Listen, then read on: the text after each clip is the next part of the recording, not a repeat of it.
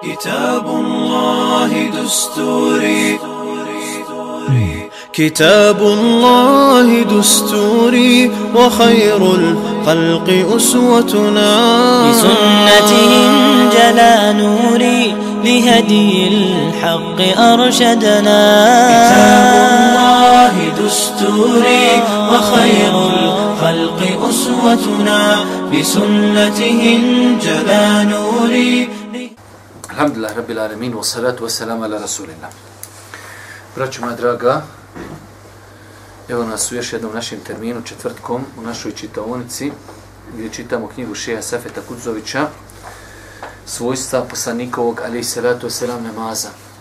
Prošli put smo imali dva predavanja, pošto u ljetnom periodu teško je održati ovaj kontinuitet, pa smo odlučili da znači u ovom periodu imamo samo jedan ders od akšama do jacije, pa tamo negdje opet kad vrijeme bude dozvoljavalo imat ćemo dva predavanja.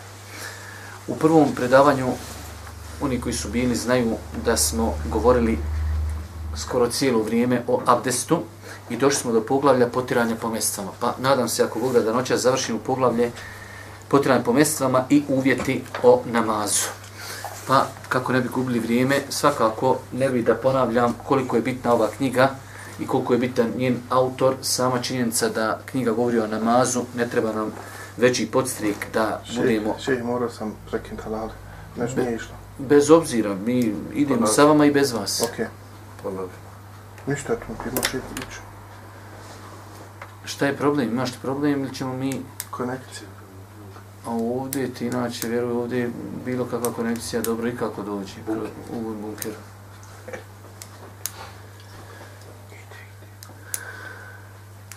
Jel idemo? Mm, ne ide. Eto, Tjarbin kaže da ide. Pa ne, na internetu ovdje piše live, ali nije krenulo. Pa eto, Piše live, pa krenulo. možemo se provaljivati, da vidim. Samo treba sad da sebe ovdje ugledam kako čitam ovdje, onaj, novine. Kako sam sebe provjerao? Ja. Ja mislim da ideš. je. A? Ja mislim da ideš. je. E, dobro. Ne ide on stoji, ali... Onaj, ok. Kad je live ide. Bismillah, počne. Potiranje mesa po mestvama. Od Mugire ibn Šuabe se prenosi da je rekao Bio sam na putu sa poslanikom sallallahu alaihi wasallam pa je obavio prirodnu potrebu. Potom sam mu polijevao dok se abdestio. Oprao je lice i ruke, a zatim je potrao po glavi mestoma. Ovo je, braću moja draga, jedan od glavnih dokaza u ovom poglavlju kada je u pitanju potiranje po mestvama. Vidite, ovaj hadis bilježi Buharija i Muslim. Od Mugairi ibn Šuabi da je Allah poslanik ali se ratu se nam potirao po mestvama. Tako da, znači, vidit ćemo sad će, će spominjati mišljenja učenjaka, odnosno konsenzus islamskog učenjaka, ehli sunneta, da je muslimanu pod određenim uvjetima koji ćemo ako Bog da spomenuti, dopušteno tokom cijeli godine, da li se radilo ljeti, da li se radilo zimi, da potiri po mestvama. Dole kažemo, imam Ibn Abdul Ber, Imam Ibn Abdul Ber, Ibn Hazm, Ibn Ebi Aiz, Ibn Hajar tvrde da su hadisi o potiranju po mestama dostigli stepen mutevatir hadisa. Od Hasana el Basrija se navodi da je rekao pričalo, pričalo mi je 70 ashaba da su vidjeli poslanika sallallahu alaihi ve sellem kako potire po mestama. Imam Veliudin el Iraki tvrdi da hadise o potiranju po mestama prenosi oko 60 ashaba. Ibn Mulekin je nakon sabiranja predaje, predaja koje govore o potiranju po mestvama kazao ove hadise prenosi više od 80 ashaba. Či šeh želi da nam ovdje pojasni koliko je potiranje po mestvama bila poznata stvar da je to dostiglo e, granicu tevatora. Inače, islamski učenjaci kada definišu šta je to tevator, to je prenošenje hadisa u svakoj skupini, grupa od grupe, grupa od grupe, da je nemoguće da se oni dogovori da je to neužbila laž. Znači, u svakoj znači generaciji tolika grupa prenosi taj hadis da jednostavno znači ne postoji nikakva mogućnost da je to neko ne daj Bože izmislio. Pa znači e, potiranje po mestvama je e, validna, utemeljena stvar, svakako govorit ćemo o dokazima. Riječ islamskih učenjaka, e, ne bi da idemo, e, prelazimo na drugu stvar, potiranje po čarapama. Nakon što je ših ustanovio i, hajde da kažemo, dokazao argumentima i govorom islamskoj učenjaka da je u islamu validan postupak potiranja po mestvama, onda se postavlja ono uvijek pitanje, dobro, mestve su od koži, može li se potirati po čarapima? Pa da vidimo šta kaže ših e, po tom pitanju. Potiranje po čarapama. Mugire ibn Šuade je rekao, poslanik sallallahu alejhi ve sellem se abdestio pa je potrao po svojim čarapama i na nulama. Veliki je broj ashaba i tabiina od kojih se prenosi da su potirali po svojim čarapama. Imam Ahmed tvrdi da je sedam ili osam ashaba potiralo po svojim čarapama. Ishak ibn Rahevej kaže da je potiranje po čarapama bio sunnet ashaba, tabiina i generacija posle njih. Ibn Munzir kaže, potiranje po čarapama se prenosi od deveterice ashaba, Ali ibn, ibn, Ali ibn Ebi Taliba, Amara ibn Jasira, Ebu Mesuda, El Ensarija, Enesa ibn Malika, ibn Omera, El Beraa, ibn Aziba, Bilala, Ebu Mame i Sehla ibn Sada. Vidite, braćo moja draga, znači, prvo što je preneseno od Božijeg poslanika da je potirao po čarapama, a nakon toga zabilježeno je od prve generacije koja je najbolje opet razumijevala sunet Božijeg poslanika, od njih je preneseno da su oni prakticirali i znači da su potirali po čarapama. Pa znači Allah Đelšanu najbolje zna, iako e, Ši Safet je nakon toga i nadeo e, govor islamskih učenjaka, ali mi uvijek ćemo pokušati da se zadržimo na ovim temeljima.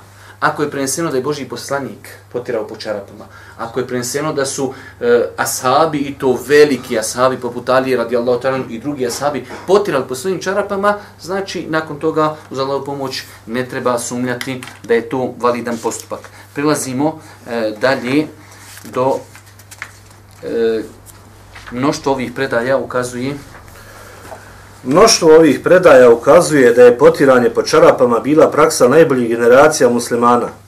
Što se tiče propisa potiranja po čarapama, oni se ne razlikuju od potiranja po mestoma, kako tvrdi šejhul islam ibn Kajim. Mnogi islamski učenjaci koji dozvoljavaju potiranje po čarapama postavljaju posebne uvjete i prave razliku između debljih i tanjih čarapa. Međutim, ispravno je da nema razlike između debljih i tanjih čarapa, jer poslanik, salallahu alihi wasalam, i ashabi nisu napravili razliku među njima. Imate ovdje jedno e, veoma bitno pravilo u islamu koje vam puno može koristiti. A danas ćemo ga više puta spominjati, a to je kada u islamu ili u šerijatu dođe termin koji nije ograničen, nema potrebe i niko ne treba da ga ograničava. Šta to znači? Ako je zabilježeno da je Boži poslanik potirao po mestvama, evo zamislimo mi u to vrijeme, pazite, mestve, u to vrijeme njima se hodalo. Ti sad imaš neke kožne mestve u kojima hodaš po pjesku, po kamenju. Je li moguće da te mestve nakon mjesec, dva, tri ne budu negdje puknute? Nemoguće, ne more biti puknute. A Ulema je pisala o tome da li se može potirati po puknutim mestvama. Mi kažemo, hadisi, svi koji govori o mestvama, kažu potiranje po mestvama. Sve dok se na nešto odnosi termin mestve, mi ga ničim nećemo ograničavati. Isto tako čarap. Znači sve dok se na nešto odnosi termin da je to čarap, pravi čarap, mi ostavljamo znači da je potom i dozvoljeno e, potiranje. Možda vam kažem, znači kada u šerijatu dođe određeni termin koji nije ograničen, jer pazite, nigdje nije Boži poslanik rekao mestve, ali moraju biti takvi, moraju biti tolike, ne smiju biti žu, nigdje, već je govorio potiranje po mestvama. Pa, ako ne postoje ograničenja, ne treba ta ograničenja ni nameta. Tako i čarap. Iako ja lično, e, iz, samo djelmično ispred ostrožnosti. Čovjek ima neke tanke čarape, jednostavno kroz njih se vidi, imate takvih letnih čarapa, kroz njih se vidi i boja koži. Znači, hajde da kažemo, ipak da čovjek ako bi već potirao po čarapama, da se djelimično ograniči da su to malo neki deblji čarapi koji nisu prozirni i šta ja znam, e, svakako da bi to bilo djelimično prioritetnije mišljenje, ali evo kao što vidite, Šeji Safet ovdje navodi da znači bilo kakvo ograničenje nema utemeljenja. Dobro, da li je dozvoljeno potirati po pocijepanim mjesecama? To je ovo pitanje koje nam se e, uvijek postavlja čarap je puknut ili mestva je puknuta, naravno što prije. Prije se hodalo u mestvama. Danas Ljudi kupe mestve pa opet obuče cipele. Prije se u mestvama hodalo. A sahabi su u mestvama hodali. I zamislite sad, je li moguće da čovjek koristi mestve hoda u njima mjesec dana po pjesku, po putu, po prašini, po kamenju i da ta koža nigdje ne pukne? Ama nemoguće. Pa su asabi po tim mestvama potirali. Ali evo da vidimo znači šta nam e, Ši Safet u ovom pogledu ljudi navodi. Da li je dozvoljeno potirati po pocijepanim mestvama? Po ovom pravnom pitanju postoje velika razilaženja među islamskim učenjacima. Prijeđi dole Sufjane Seuri. Znači Ši Safet nam kaže po ovom pitanju ima e, veliko, ima veliko razilaženje kod Lemi. Uzmite sebi jedno drugo pravilo. Večera smo naučili jedno pravilo. To je kada god dođe termin u šerijatu koji nije ograničen, ne treba ga ograničavati. Druga stvar, kada god vidite da se ulema žestoko razilazi, a niko nema dokaza, to ukazuje znači da tu ima neku, nešto fali. Pazite, ulema se razišla koliko mestve moraju biti puknute pa da bi se po njima moglo potirati. Odnosno, ako bude više, ne može. Jer niko nema dokaza, pa su jedni rekli ko nokat, pa ko dirhem, pa ovako, pa onako. Svi su pokušali ići hadit, ali nema dokaza. Pa nam to jasno ukazuje da treba to ostaviti. Ako su malo mjesta puknute, šta ima veze, one i dalje potpadaju u šerijatu po termin mestve i nema nikakve smetnje da se po njima potiri. Pa i Ši Safet ovdje navodio neka mišljenja učenjaka, mi ćemo preskočiti, počnemo go e, citirati učenjake koji su dozvolili da se potiri po mestama i čarapama, makar na njima bilo i nekih rupica. Vi znate kad čovjek nosi neke čarape, pa znači tokom nosanja čarapa, dole čarapi puknu. Znači Nema smetnje nikakve napijeti ili negdje da se puknuti čarapi, nema nikakve smetnje da se potire po takvim čarapima. Kaže Sufjan. Sufjan Eseuri, Ishak ibn Rahavej, ibn Mubarek, Sufjan ibn Ujejne, Ebu Seur, Jezid ibn Harun, ibn Munzir, Davud ibn Hazm, ibn Tejmije i ibn Huseymin smatraju da je dozvoljeno potirati po mestvama koje stoje na nogama bez obzira koliko su pocijepane. Učenjaci koji dozvoljavaju potiranje po pocijepanim čarapama i mestvama bez posebnih ograničenja polaze sa stanovišta da je dozvoljeno potiranje po svim mestvama, sve dok se validnim dokazom ne ustanovi određeno ograničenje. E, to je ono što smo cijelo vrijeme govorili. Znači nigdje, uvijek poslanik kaže se potiranje po mestvama, po mestvama, po... nije izuzeo nikakve. Zar nije logično bilo poslanik vidi asabe u puknutim mestama i on šuti? Bilo je logično da im poslanik kaže, slušajte, ko ima puknute mesta ne može po njima da potiri. Dok je to prešućeno, znači e, treba čovjek da se tako i ponaša. Dobro, Sufjan Eseuri. Sufjan Eseuri je pitan o potiranju po pocijepanim mestvama, pa je rekao, potrite po njima sve dok stoje na nogama. Zar su mesve doseljenika, muhađira i medinjana, ensarija mogle biti ikakve do pocijepanja? Znači, logično. I zato, znači, neke stvari e, trebate prihvatiti kao ištihad u lemi, ali ne mora znači, znači jednostavno taj ištihad ne ima svoj neke, da kažemo, jak dokaz, tako da nije obavezujući da se slijedi. Dobro, prelazimo vamo zadnje mjeste po kojima se potiri. Mestve po kojima se potiri moraju pokrivati članke budući da se stopalo pere sa člancima, u protivnom nije ispravno potirati po njima. Ovo mišljenje zastupaju učenjaci Hanefijske, Malikijske, Šafijske i Hambelijske pravne škole. O čemu se radi?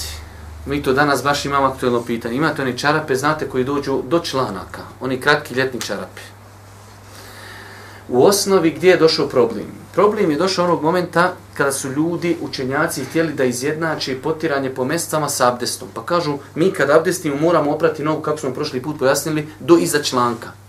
Pa kažu, analogno tome, ako ćemo potirati po mestvama, i evo kad se, kad se potiri, sam se potiri, znači i po gornjem dijelu, nema, nema veze nikakve, znači sa tim dok li se noge peru. Pa su onda analogno tome kazali, mjeste moraju pokriti i članke. Ali vraćajući se ovom našim starom pravilu, vidite, ovdje Ši Safet kaže da je to mišljenje četiri pravne škole i treba poštovati pravno e, četiri mjeseba. Ali vraćajući se našim pravilu, a to je, Šerijet je spomenuo mestve i nije ih ograničio. Pa sve dok se na nešto odnose mestve, riječ ili čarape, makar i ne pokrile, ne pokrile članke, po njima je dozvoljeno potati. Iako Šej Safet ovdje kaže, uz dužno poštovanje Šeha svakako, ali znači određen broj učenjaka poput Ibn Hazma, Ibn Tejmije i savremeni određen učenjaka Ibn Sejmina smatrali su i da za ovu klauzulu ne postoji ograničenje.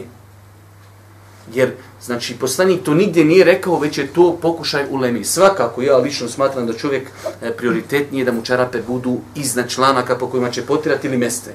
Ali da se desi da su mu čarape do članaka, ja mu ne bi smio reći da ne smije pod njima potirati, zato što rekli smo ovo veliko pravilo, šerijat je znači, koristio termin čarap i koristio termin mestve. Nije ih ograničio na znači, e, da li su pocijepane i da li su pokrile e, članke, tako da Allah najbolje zna, iako četiri pravne škole su zastupale stav da moraju pokriti članke, svakako je bolji, prioritetniji, jači, ajde da kažemo sigurnije, da takve izgledaju mestve ali ako bi neko zaista bio u čarapama koji su kraj, e, znači do članaka, ne pokrivaju članke, e, ja smatram za lovu pomoć da nema ništa sporno u tome da e, potiri po njima. Dobro, nakon što smo obradili nekoliko pitanja, obradili smo da se može potirati po mestvama, da se može potirati po čarapama, da se može potirati po mestvama i po čarapama ako ima po njima nekih pukotina, nakon što smo pojasnili da jeste stav četiri pravne škole da trebaju da mestve i čarapi budu iznad članaka ili maksimalno da pokriju članke i da i ta ograničenje nije utemeljeno, prelazimo sad dobro. Ja želim da potirem. Spomenuli smo jedan od glavnih uvjeta, uvjeta kroz jedan od hadisa prethodno, a to je da je Boži poslanik rekao Mughir ibn Šubi, kaže Mughir ibn Šube mu pomagao da abdesti. Pa kad je došlo vrijeme da Boži poslanik opere noge, Mugir ibn Šube se sagio da mu skine, znači izmetići Boži poslaniku, sagio se da mu skine mjeste pa da opere noge. Pa kaže Boži poslanik, da huma, fa inni edhaltuhuma tahiratin, pusti, pusti, nemoj skidat. Ja sam i kaže obuku na abdest, pa ću potrat po njima. Pa je jedan od glavnih uvjeta da bi čovjek mogao potirati po mjestama i po čarapama tu.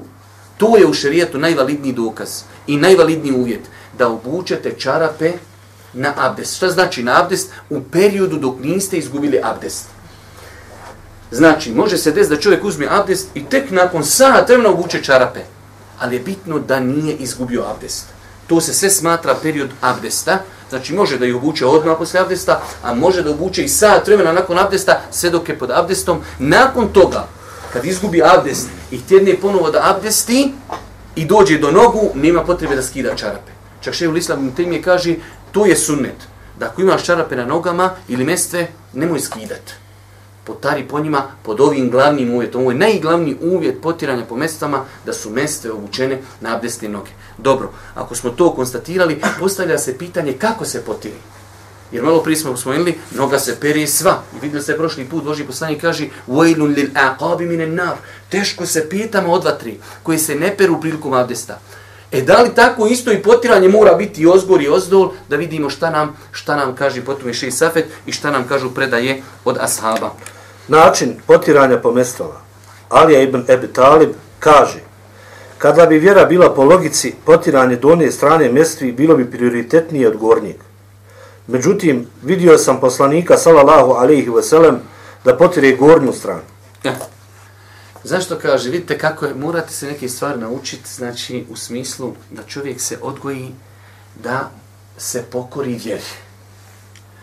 Omer radijallahu ta'ala dolazi, hadis u Ari Muslimu, dolazi kod crnog kamera u Kjabi. Kaže, ja znam da si ti kamin. Kamin. U nas ljudi odu na neke lastavice i ne znam nija kakve još sve ona izmišljaju e, stvari i to su sveta mjesta. Crni kamen, nema svetost u smislu, ti si kamen. Kaže, ali da nisam vidio poslanika da te ljudi, ja te nikad ne poljubio. Ja te ljubim jer te poslanik poljubio. Mi moramo svoje, znači vjera se uzima od Allaha Đelešanu iz Kur'ana i od sunneta Božih poslanika ali se ratu wasalam. Pa ovdje Ali radijallahu nam kaže, kad bi vjera se uzmala po logici, čovjek hoda nogama po zemlji. I kuda će mu se noge isprljati? Ozdol. Pa logičnije bi, kaže, bilo da se ozdol potari, se ozdol isprljalo. Ali kaže, ja sam vidio poslanika da potire ozgovor. I onda nema više logiki. Završena logika. Ako nam je došao tekst da je ovo novotarija, ne? pa fina, pa lijepa, pa uči se, pa kaj, eto, kaj sad vi nećete im da se Kur'an uči. Halo, sjedi cijeli dan kod kuće uči. Ali gdje, kako i na koji način? Pa znači, kada imamo jasan tekst, logika se tu više ne koristi. Pa je potiranje mesta, po mestama samo po gornjem dijelu stavi se prsti, ruku rašireni na nožni prste na vrsu i samo se povuku prema člancima. Završena sva priča. ne treba po, po pijetama, ne treba ozdu, ništa. Jedno potiranje je dovoljno i to je ovo što je kako se zove preneseno od Ali radijallahu ta'ala anhu. Imate na kraju ovdje še kaže ko potari samo gornji dio svojih mestvi, njegov abdest ispravan po konsenzusu. Znači insan koji potari samo ovaj gornji dio, njegov abdest je validan po konsenzusu. Ovo govorimo samo o načinu, svakako uvijek se vraćamo na onu stvar, moraju se mestre ovući na e, abdestne noge. Imam se e, Sanani tvrdi. Imam Sanani tvrdi, nema ni jednog ispravnog hadisa koji precizira kakvoću potiranja mestvi, osim predaje koju prenosi Alija, a koja pojašnjava samo mjesto potiranja. Ispravno je da se potare toliko da se može nazvati potiranje. Većina učenjaka ipak smatra da treba potrati veći dio gornjih dijela stopala. Znači, vidite, nije pojašnjeno od poslanika kako je. Svi asabi, oni se fokusirali, je li potirao poslanik?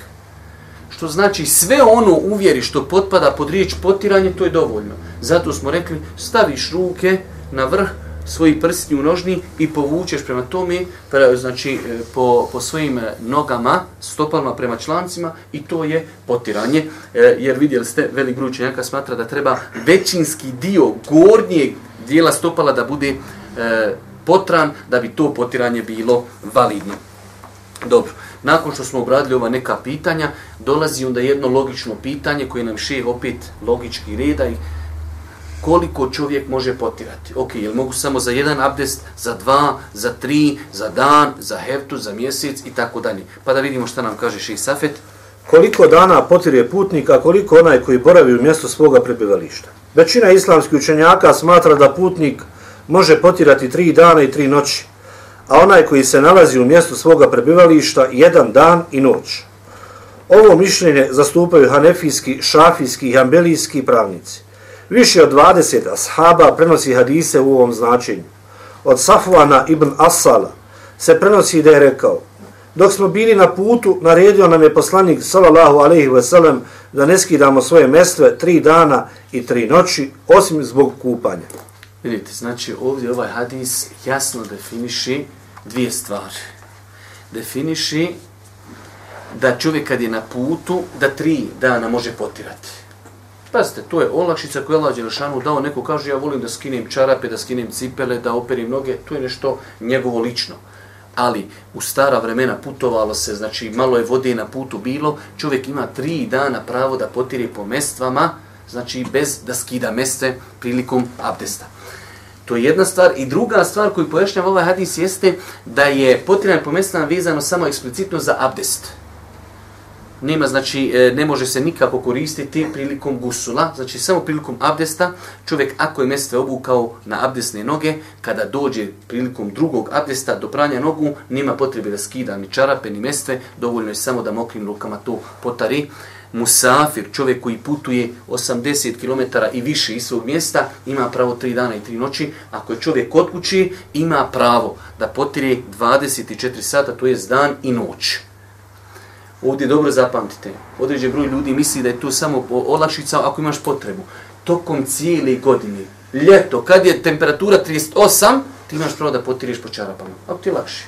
Hoćeš da skineš, da operiš noge, to je tvoje, znači radi šta hoćeš. Ali, potiranje po mestvama i čarapama je olakšica koja se može koristiti zimi i ljeti tokom cijele godine. Čovjek ako je kod kuće, ima pravo dan i noć da ne skida čarape, a, ako je putnik tri dana i tri noći, ali smo rekli da je to dopuštena stvar, neko zbog higijenskih razloga, neko iz nekih drugih razloga, da li možda radi na poslu gdje mu se znoje noge ili nešto drugo, skida neprestano čarape, to je njegov, znači njegov pravo, ali isto tako to je jedna od velikih olakšica. Ljudi, primjer, radi ko radi u nekoj instituciji, opet sve mu je lahko abdestiti, na nekoj česmi, ali da moraš skinti cipelu, moraš skinti e, čarape pa abdesti, potiranje po mestama je jedna od velikih olakšica Islama, tako da znači veoma je bitno da čovjek poznaje te propise. Ako je kod kući, ima pravo dan i noć. Ako je musafir, tri dana i tri noći. Dobro, kaže za potiranje po mestama? Za potiranje po mestama ili čarapama nije neophodno imati nijet pri njihovom oblačenju. Da bi potiranje bilo validno, meste se moraju obuti nakon propisno uzjetog abdesta sa opranim nogama po konsenzusu islamskih pravnika. Šta ovo znači? Znači ne moraš sad, čovjek je abdestio i obuku čarape. Ne razmišljajući da će, znači na sabah si došao, klanjao si sabah, imaš abdest i obučeš čarape. Na podne si negdje u gradu i dole abdestiš, a da li sam ja jutros namjeravao da ću, da ću potirati? Ne, nema potrebi. Znači namjera nije uvijek da bi trebao potirati. Ti si bio pod abdestom, obuku si čarape, krenuo si na posao. Došao si na podne u neko od čaršijskih džami, hoćeš abdestiti, hoće li potrati? Hoće svakako. Znači nije uvjet. Vidjeli se kad smo govorili tamo o abdestu prošli put, da bi abdest bio validan, mi kad hoćemo početi prati neke od organa, kajem bismillah, želim na ovaj način da abdesti. Mora biti srčana namjera. Dok kada je u pitanju potiranje po mestvama, nema potrebe da imaš nijet, kažeš, e, ovo oblačim da bi ja mogu poslije potirati. Nije. Jedini uvjet je onaj koji non stop spominjemo, a to je, po konsensusu učenjaka, moraju se mestve ili čarapi obuć dok je još čovjek pod abdestom. Dobro, nakon toga, da li je dozvoljeno pričati prilikom uzmanja abdesta? Ovo je jedno pitanje lijepo da se zna. Zašto? Zato što kod nas konkretno ljudi, čovjek uđeš ove sen selam alik, kao haloba, vidiš da abdesti, znaš se ne smije pričati. Pa da vidimo šta nam Ši safet kaže. Imam Leovi, kaže, nema jednog ispravnog dokaza koji zabranjuje pričanje pri uzimanju abdesta. Dakle, ovo pravno pitanje ostaje na svojoj osnovi, to jest dozvoljava se pričanje sve dok se validnim dokazom ne ustanovi zabrana, kao što je došla zabrana pričanja u namazu. Naprotiv, u sunnetu Allahova poslanika, salallahu alaihi ve sellem, postoje dokazi o dozvoli razgovaranja prilikom uzimanja abdesta.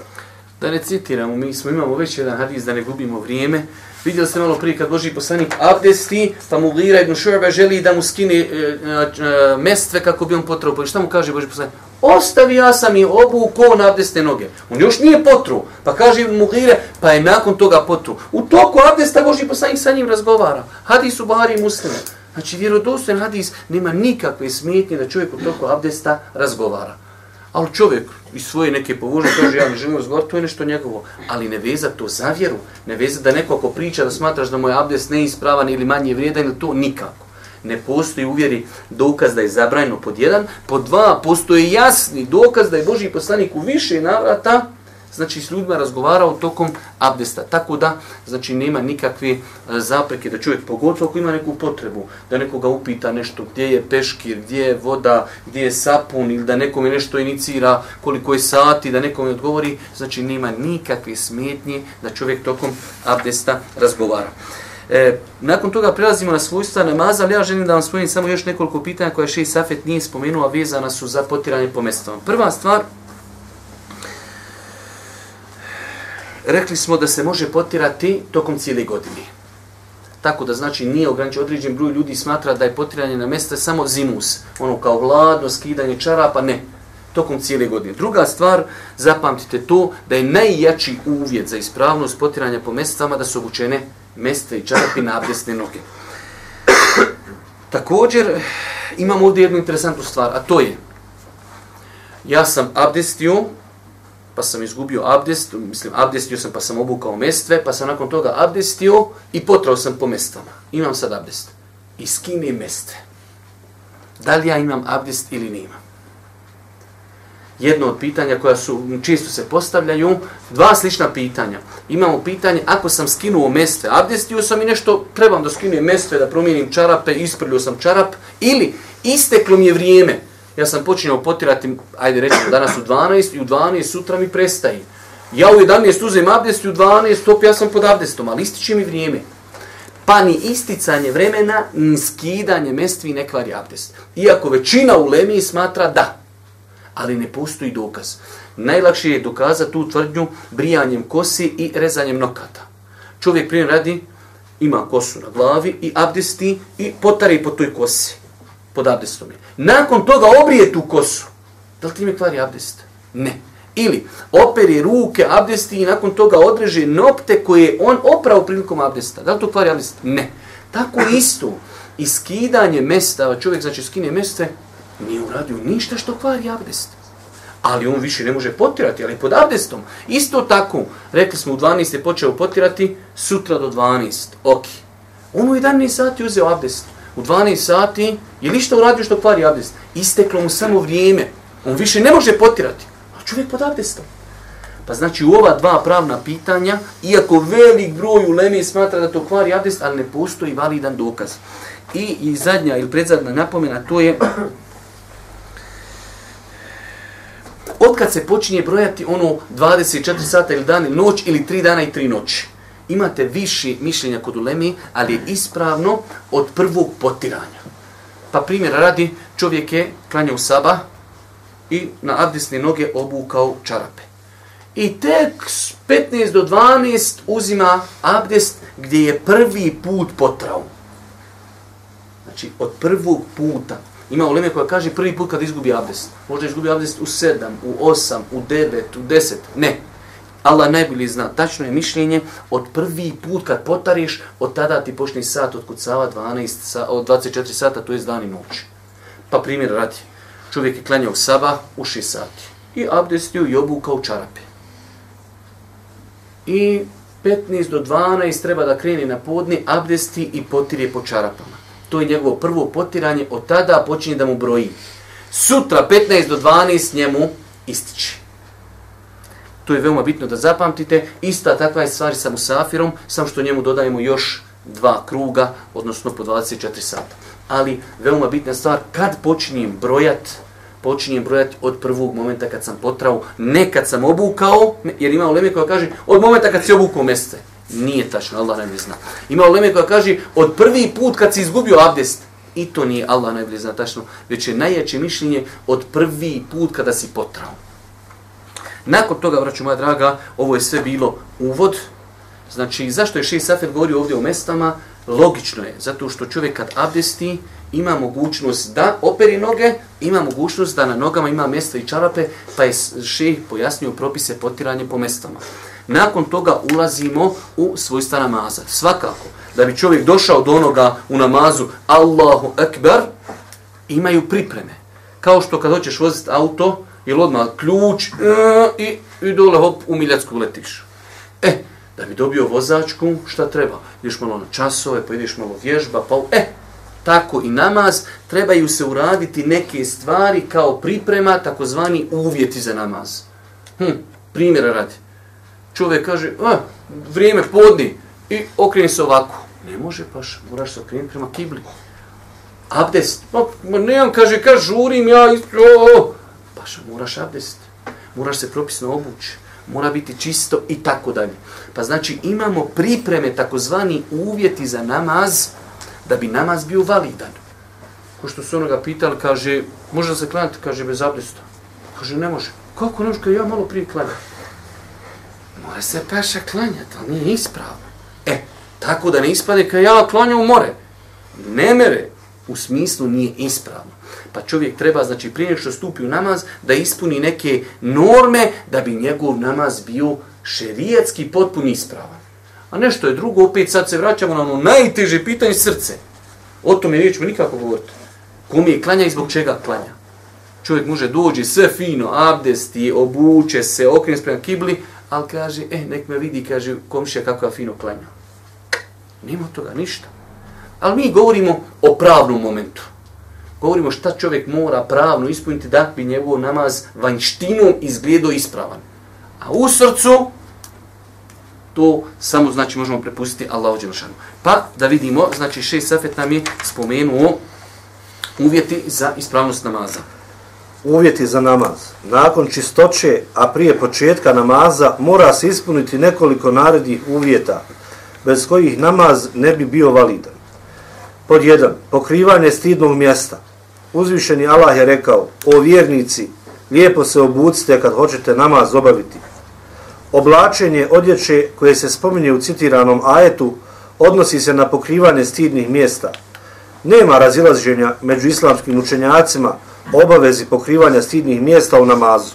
Znači, braću moja, po konsenzusu linije, onaj ko ima mogućnost, pa čovjek može biti bolestan, čovjek može biti u zatvoru, nema odjeće, to je nešto Ali u normalnim uvjetima, po konsenzusu učenjaka, moraš pokriti stidna dijelove tijela. E sad, u lema, pošto te stvari nije jasno Boži poslanik precizirao, ima malo tu, hajde da kažemo, razilaženja šta treba pokriti prilikom prilikom e, obavljanja namaza. Samo nam recite, ja ne mogu da vjerujem, koliko mi imamo još do kraja, do ezana? Pola sata. Još pola Pa ja nešto vidim da nisam onaj... Dobro. Znači, prva stvar čovjek treba da pokrije avrete. Ja ću vam to rezimirati bez da sad navodim mišljenja mezheba. Minimum, minimum, minimum što čovjek mora pokriti na namazu jeste od pupka do ispod koljena.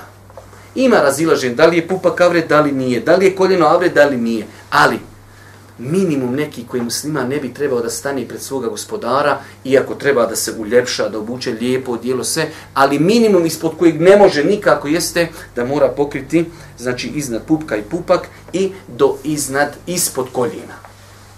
Svakako da imaju hadizi, Boži poslanik Ali sam i naređuju i preporučuju da se ima nešto i na ramenima.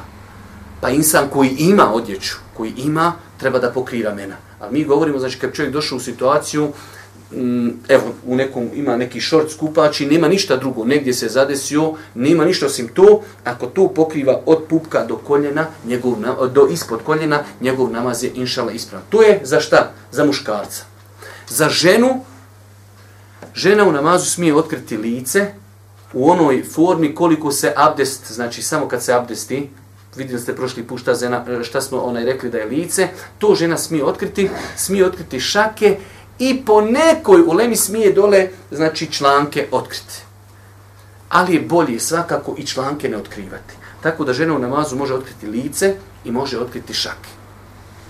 To su samo dvije stvari i onda vidimo koliko imamo grešaka kod velikog broja žena kada klanjaju i dovode svoj namaz u pitanje. U neke su kraći rukavi, u neke je prozirna odjeća, u neke vire uši, ono sad pokrivanje moderno, otkriven vrat i, i kamio neki drugi, e, pa onda e, kratke suknje, pa razrezi do, do po leđa i kamio neki varijanti da ih sad ne opisujemo. Žena u namazu smije otkriti samo lice i šake po velikom, od podređenom broju učenjaka mogu se otkriti stopala, ali ako žena nima potrebu za tim, bolje da e, noge pokrije da li čarapama, da li odjećom u kojoj žena klanja. To je što se tiče e, pokrivanja avreta, da bi mogli ako Bog da ići dalje. Broj 2, nastupanje.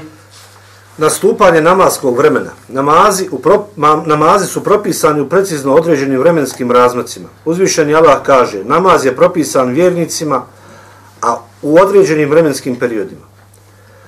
U komentaru citiranog ajeta imam Alusi u Ruhul Meani 2.138 kaže namaska vremena su ograničena i nije dozvoljeno klanjanje namaza mimo njegovog vremena.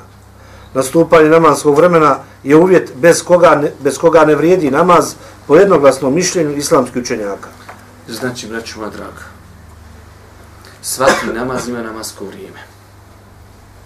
Ja znam, nekad me su me znali ljudi, ima potrebu čovjek pa kaže nastupa podne u 12, ja 12, 10 do 12 negdje krećem, mogli i kako klanja 10 minuta ranije. Po konsenzusu, a vi, prošli put smo govorili šta je konsenzus. Od Allahu poslanika, ali sad sam do danas nikad nije to neko dozvolio. Znači, namaz ima svoj početak, ima svoj kraj. Velik broj ljudi, ajde ovo početak, tu se ljudi pridržavaju, ali kraj, tu se i ne pridržavaju imate određeno mišljenje, jako, jako mišljenje da namaz, ako se ne klanja namaskom vremenu, nema nešto što se zove islamu naklanjavanje. Osim u nekim varijantama čovjek prespavao ili čovjek zaboravio. Ali čovjek svjesno podne nastupa, primjer radi u 12, u 3 završaje. On kad ne mogu ga stići klanjaća poslije.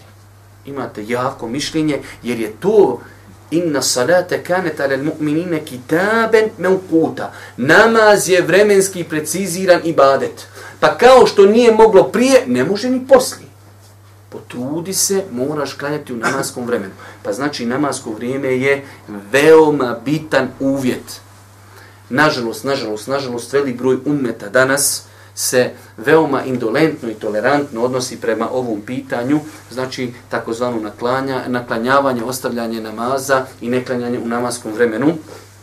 Allah najbolji zna, znači postoji varijanta da čovjek prespava, namaz, pa prođe namasko vrijeme, on će klanjati kad se probudi, ili zaboravi. U ta dva slučaja čovjek nakon namaskog vremena će klanjati. Ali svjesno da čovjek propusti namaz i kaže ja što poslije, kad uđem kući s posla naklanjat, to mišljenje je izuzetno slabo i ne, ne postoji za njega jaki šerijetski dokazi. E, znači, e, imamo pet namaza Mi ćemo pokušati kratko, pošto je danas olašano, da li putem vaktije, da li putem aplikacija, ali ova naša vjera je univerzalna, savršena. Sad se čovjeku može desiti da odeš sutra negdje na igman i e, okasniš tamo vamo, mobitel isprazni se baterija, ti ne možeš doći u Sarajevo, kad ću klanjati namazi. Pa su znači namaska vremena vezana za kosmičke pojave koje čovjek veoma teško ne može vidjeti. Može se da neko bude u tamnici ili negdje, ali generalno većina ljudi na planeti vidi te kosmička dešavanja. Pa počinjemo od podni namaza. Podne, e, podnevsko vrijeme nastupa Podnesko vrijeme nastupa kada sunce prijeđe na drugu polovinu neba, po konsenzusu islamskih učenjaka. Šta znači prijeđe polovinu neba? Kako ćete odrijediti praktično kako je sunce prešlo polovinu neba? Sad sjedniš ti, niša, kaže, evo ga, sad je prešlo pola. Ne. Uzmite štap i zabodite ga u zemlju. Iz normalno, koga sunce udara, ajde rećemo, otuda normalno od istoka, znači njegova sjena se šta? Smanjuje, smanjuje, smanjuje. Kako sunce ide gore, ono se smanjuje. Onog momenta kada sjena stane, to je polovina. Kad sjena, kad sad sunce počne prelaz polovinu, šta će sad sjena početi opet? Rast. Rast. Onog momenta kada milimetar jedan sunce, eh, kada počne sjena ponovo rast, nastupilo je podne. Znači ti si sad na igmanu, nemaš sahata, nemaš mobitel spao u vodu, baterija, ništa, kad ću podne klanjati? Nešto sam na nanijetio cijeli dan gore biti na, na igmanu usiće, usjećeš štap dužine koliko hoćeš, nije bitno, i pratiš.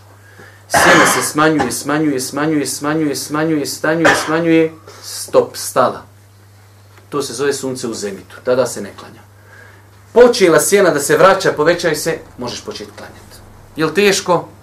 Lakše, brate, nego aplikaciju nosati sa sobom. Ok, to je počelo je podne po konsenzusu sa prelaskom sunca na polovinu neba. Ovdje da vas ne zbuni, ne bi da vas sad blaho vraćam na geografiju, ni na hemiju, ni na fiziku, nisam nije nešto plaho stručan, ali znači da vas ne zbuni, sunce može biti na polovini neba, a štap koji ste zabili u zemlju on može imati 5 ili 10 shodno, znači dužini štapa i shodno kojim godišnjim dobu, štap može imati svoju sjenu. I da vas, to, to je veoma bitno, kad stane sjena da to zapamtite, kaže kad je stala sjena da se pomiče, bilo je 5 santi eh, sjene. Ta 5 santi će nam trebati poslije pa je sjena počela se povećati kada je nastupilo je podne. Ali kolika je bila sjena? Ta sjena shodno znači godišnjim dobima gdje je sunce, gdje sti zabu štap. Pa znači nastupilo nam je podni. Čekamo, ako je naš štap visok metar, čekamo da se ponovo sjena vrati metar, iako je bilo ni 5 santi, metar i 5 santi, nakon metar i 6 santi nastupila je ikindija. Znači kad se poveća sjena nekog predmeta za njegovu dužinu, nastupila je ikindija. Hajde pojasni da pročitaj nam tu ikindijsko vrijeme. Ikindijsko vrijeme nastupa neposredno po isteku podnevskog vremena, kada hlad nekog predmeta dostigne dužinu istog, ne računajući dužinu male sjene koja se primijeti dok je sunce u zenitu.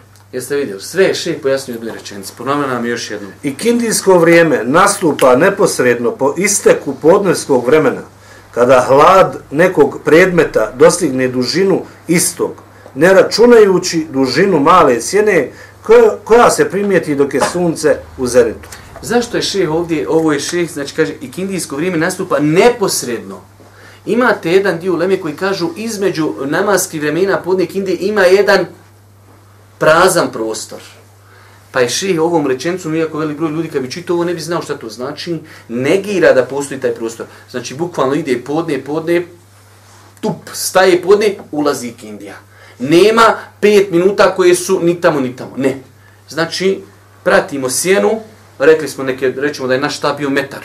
I ona sjena na podne bila još 5 santi.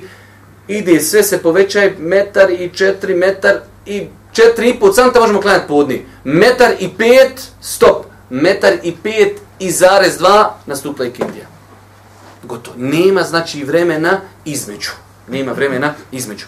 Ok, počeli smo s podnim prešlo je sunce polovinu neba i rekli smo kako prelazi do ikindije. Kada se znači sjena nekog predmeta poveća, znači toliko koliki je taj predmet, nastupa ikindija. Ikindija traje, imaju dva vremena za ikindiju. Ima vrijeme koje ono, hajde da kažemo, dobro vrijeme. Možeš klanjati, znači bez ikakve pokuđenosti, a to je dok sunce ne počne padati i ne počne ono prelaziti više u onu crvenkastu boju, više možeš skoro pa gledati u njega. Do tada, znači, se kindija može klanjati ono otvoreno. Kad već padne, to je već vrijeme ono kao za nekoga koji ima određene razloge. Pa ćemo čuti šta će nam Ši Safet kazati. Odabrano vrijeme, dole piše prednu, prednu stranicu. Odabrano vrijeme kindije namaza je sve dok sunce ne počne mijenjati svoju jarko žutu u crvenkastu boju. Dokaz tome je hadis Mm -hmm. u kome je poslanik sallallahu alejhi ve sellem kaže da je vrijeme ikindije sve dok sunce ne počne mijenjati svoju boju. Međutim, ako se ikindija namaz nije obavila u ovom vremenu, može se klanjati do prije zalaska sunca. Znači, znači uzmite pravilo. Normalno, sa se ne treba igrat. Ali nekad u životu i to čovjek treba da zna. Može zapasti situaciju. Jedan rekiat je minimum da bi stigao jedan namaz. Pa rećemo, kad bi se moglo proračunati, podne nastupa u 12, u 3 tačno nastupa i kindija. Ti ako imao si neku potrebu, bio si zauzet, bio si u bolnici, bolestan si, 3 minute do 3, 3 minute do 3 kažeš Allahu Ekber, proučiš Fatihu, proučiš eh, Kulhu Valla i odeš na ruku prije tri. Vratiš se sa rukua, ostaš još tri rekiata. To što ćeš i klanjati u kindijsko vrijeme, tvoja, tvoje, po, po, tvoj podni namaz je ispravan. Sa ovim se ne treba igrati jer se to radi o minutama. Ali kažem da čovjek zaista ima dnije potrebu, po znači pravilo je ko stigne jedan rekiat jednog namaza u namaskom vremenu, makar ostali dio klanjao u ostalom namaskom vremenu, on je taj namaz stigao jer je namaz cijelina koja se ne može parčati. Pa ako si ga počeo klanjati i stigao si jedan rekiat, a rekiat se broji do rukua, inšala stigao si. Ok, ponavljamo. Podne počinje prelaskom sunca sa polovini neba, nastupa ikindija kada se sjena poveća onoliko koliko je dužina nekog tijela. Kada vidite na horizontu, normalno ne sad živiš, ne, ja bih navio neko ime sela, ali ljudi će se što gledaju, imate sela gdje sunce izlazi u 10, zalazi u 3. A to je zato što je selo u rupi paša. I oni utri kaj, hajmo akšan klanjati da se iftarimo. Halova, još i Kindija nije prošla. Popni se malo nabrdo, uhu. Znači, kada na horizontu vidimo da je sunce, njegova ona lopta, kompletna potonula, gotovo. Ali, po, pogotovo kad bi čovjek mogao na moru da to vidi. A znači, ako vidi sad još ako u nekom selu, eh, onda treba, znači, paziti. Ali, zalaskom sunca, njegovog, znači, o, o, obima kad zađe, za horizont nastupa akšam namaz. Pa nam čitaj šta kaže za akšam namaz. Akšamsko vrijeme, po konsenzusu islamskih učenjaka, nastupa po zalasku sunca. Njegovo vrijeme prestaje nestankom crvenila na zapadu, po mišljenju apsolutne većine učenjaka četiri pravne škole. Šta to znači? Vidite, sve je vezano za sunce. Gledali smo podne, gledali smo i gledali smo akšam. Vidimo zašlo sunce, hajmo krenati akšam. E, sad kako ćemo sad jaciju riješiti, nemajući sunca? onog momenta kad ti u mraku dođeš i ne znaš gdje je isto gdje je zapad. Ti sve dok vidiš, a kaj pa tamo je zapad, vidi se crvenilo, jer je sunce dole još izbija. Kad dođeš u moment, kažeš, ne znam gdje je zaista. Možda je ondje je zašlo, neko te uzme, okrenite tri kruga, kaj gdje je sad istok, gdje je zapad? Ne znam, ja cijel nastupila. Sve dok kažeš, eno tamo je sunce zašlo, nije nastupilo. Dok se znači vidi rumenilo, dok se vidi crvenilo, kad nestane crvenilo, kažeš, istok i zapad postaju identični, jacija se može klanjati. Pogledajte kako je sve vezano za kosmička dešavanja. Nastavljam e, jacijsko vrijeme. Jacijsko vrijeme nastupa prestankom akšamskog vremena, to jest nestankom crvenila na nebu, po konsenzusu islamskih učenjaka. E, sad nam šta nam je još ostalo? Jaciju smo odredili kad počinje, e sad dok li može jacija? Jer svako namasko vrijeme smo počeli O, podne, pa završaj sa ikindijom. Ikindija završaj sa akšamom. Akšam završaj sa jacijom. Jacija, o, ako reknemo do Isabaha, to je već ima dugo. Da vidimo šta nam šest Safet kaže za zadnje vrijeme. Odabrano jacijsko vrijeme traje do pola noći, a noć se računa od zalaska sunca do zore. Vidite, Ovo... sva, svaka rečenca nosi korist prva stvar, jacija se ne bi trebala, osim u nekim životnim, teškim situacijama, odgađati od pola noći. Znači, od pola noći nikako. E kako odrijeti pola noći? Zalazak sunca uzmemo i početak zori. Uzmemo to dvoje i popolovimo. Normalno, u toku god nekad ljudi većinom misle pola noći u 12 na večer. Jest po, po satu, ali po, znači, po ovom računanju veoma rijetko je u 12 sati. Znači uzmete što je jednostavno, ne treba nikakvu paniku oko toga praviti. Kada je danas zašlo sunce, lećemo noće, zalazi, šta ja znam, u šest. Izlazi u četiri, po polovišu 11 sati je e, polovina noći. I savršena stvar. Znači kada sunce ne kada izlazi, već kada nastupa saba, kada je nastupio akšam, te dvije stvari uzmijete i kazaljkom popolovite. Tu je polovina noći i iza te polovine noći ne bi trebalo odgađati jaciju, osim u nekim iznimnim situacijama i ostaje nam onda na kraju sabasko vrijeme. Sabasko vrijeme počinje nastupanjem prave zore, po jednoglasnom mišljenju islamskih učenjaka. Prava zora nastupa kada se na horizontu od istoka pojavi vodoravna svjetlost koja se postepeno pojačava, blago obasjavajući vrhove brda. E, to je to. Ponovno još jednom. Sabasko vrijeme. Sabasko vrijeme počinje nastupanjem prave zore, po jednoglasnom mišljenju islamskih učenjaka. Prava zora nastupa kada se na horizontu od istoka pojavi vodoravna svjetlost, koja se postepeno pojačava, blago obasjavajući vrhove brda. Ima znači dva uvjeta. Da ne ide vertikalno, već da ide uzdužno. Vidite, znači to čovjek ko hoće, veoma lako se vidi. Znači na sabah ustaneš i vidiš odjednom počne bjelivo. I onda se ono širi. Počinješ lagano razaznava da vidiš vrhove brda. I ono znači se lagano jača i lagano širi. Sve, pogledajte koliko je islam jednostavan. Da si negdje na brodu, da si negdje u šumi, da si negdje bilo gdje, da si ili se počelo svanjavati i onda imaš vremena možda sahati i kusur da obaviš svoj namaz sačekaš da budeš sigurno da je nastupio saba, klanjaš i onda svojim poslom. Ok, znači nastanak po konsenzusu islamskih učenjaka pojavom pravi zora. Ima ona lažna zora da vas time ne umaramo. E, prava zora je zora koja se pojavljuje na istoku i koja znači širi se znači i počinje sve znači jača i jača da bude. Prestaje namasko vrijeme, šta nam kaže Šej Safet?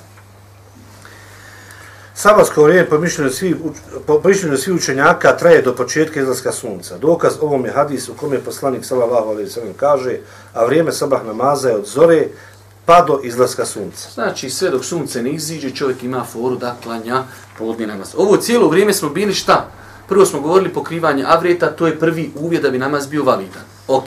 Drugi uvjet je namasko vrijeme. Pa moramo pratiti početak, moramo pratiti kraj. Da se potrudimo da u tom periodu odvojimo taj namaz. Zato Allah Žešan kaže, doista je namaz vremenski određena obaveza. Preciziram početak, preciziram kraj. I to jasno preciziram. To su dva uvjeta. E, znači, prelazimo na treći uvjet. Šta je treći uvjet? Treći uvjet je okretanje prema kibli. Okretanje prema kibli je uvjet za ispravnost namaza, po konsenzusu islamskih učenjaka. Znači da bi čovjek, da bi mu namaz bio ispravan, mora se okrenuti prema kibli, ali imamo neke uvjete, da zna gdje je kibla. Znači čovjek kaže, ja znam da je ovo pravac kibli, tako treba da se okreni. Hvala Allahu i to bi bilo zaista e, traženje od robova, nešto što ne mogu ispuniti, nije obaveza se okrenuti da ti 100% pogodiš ovdje izbosni kiblu. To je nemoguće. Znači čovjek okreni u pravcu ako mi kažemo da je jugoistočno od Bosne, znači kako se zove e, Kjaba, Meka i Medina, da se čovjek okrene u tom pravcu.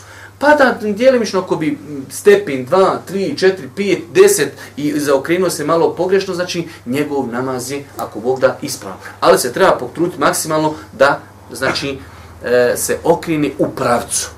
Za razliku od osobe, ono kodi nađi, kodi na, na umru, mo, može vidjeti. Evo ja sam nedavno bio dala u Kabuli na umri, vidim jedna osoba iz neke muslimanske zemlje, sjedi na drugom spratu i ovako kjaba i ovako se čovjek okrenu i, i ovako klanja. Završi namaz, ja rekao, robe, rekao, Allahu, robe, rekao, jel vidiš bolan, hajde si ti nju na nišani učešak, već okrenuo se ovako i klanja. Rekao, eno čaba, halo, pa Pa ako moraš, ako je vidiš, moraš prema čabi. Znači imate ljudi da toliko ne znaju propise da on u haremu, njemu je bitno kako mi se stolca uštima. I on se tu i okreni. Ako vidiš kjabu farz, vađib ti je da pravo se prema kjabi okreniš. Ako je ne vidiš, da se okreniš u njenom pravcu. E, to je šta sve, ako znaš. Sad imamo drugo pitanje, ne znam gdje je. Onda se trebam, tu nam je sve safet ovdje šeh ispričao, ali da vam ja to rezimiram, taj šeh kaže, treba se potruditi. Putem mobitela, putem istok, zapad, kompas, nekog upitat, e, džamije, gdje je mihrab, gdje je munara, čovjek treba da se potrudi, da nekog upita. U naselju, muslimanskom čovjek, ne, pa zna, ja ću pokušat, pa ako, ne, ne, ne, iziđi na ulicu, nekog pitaj. Izvinite, gospodine, gdje je ovdje, ako ništa, gdje je istok? Gdje je kjaba i tako dalje. Ali da se desi, potrudio si se, pitao si, pitao si nekog koji ne zna Bajram gdje je, i on ti kaže, slušaj, prema Vlašiću je ovako, ti Boga mi žuriš, onda ti si, Allahu Ekber, poslije ti kaže, halo ba, tu ti se kjavi okrećeš s druge strane planete. Ma jok, rekao mi ovdje jedan u Bistri. Ako si poduzeo sve što si mogu, makar si pogrešno okrenuo, tvoj namaz je validan.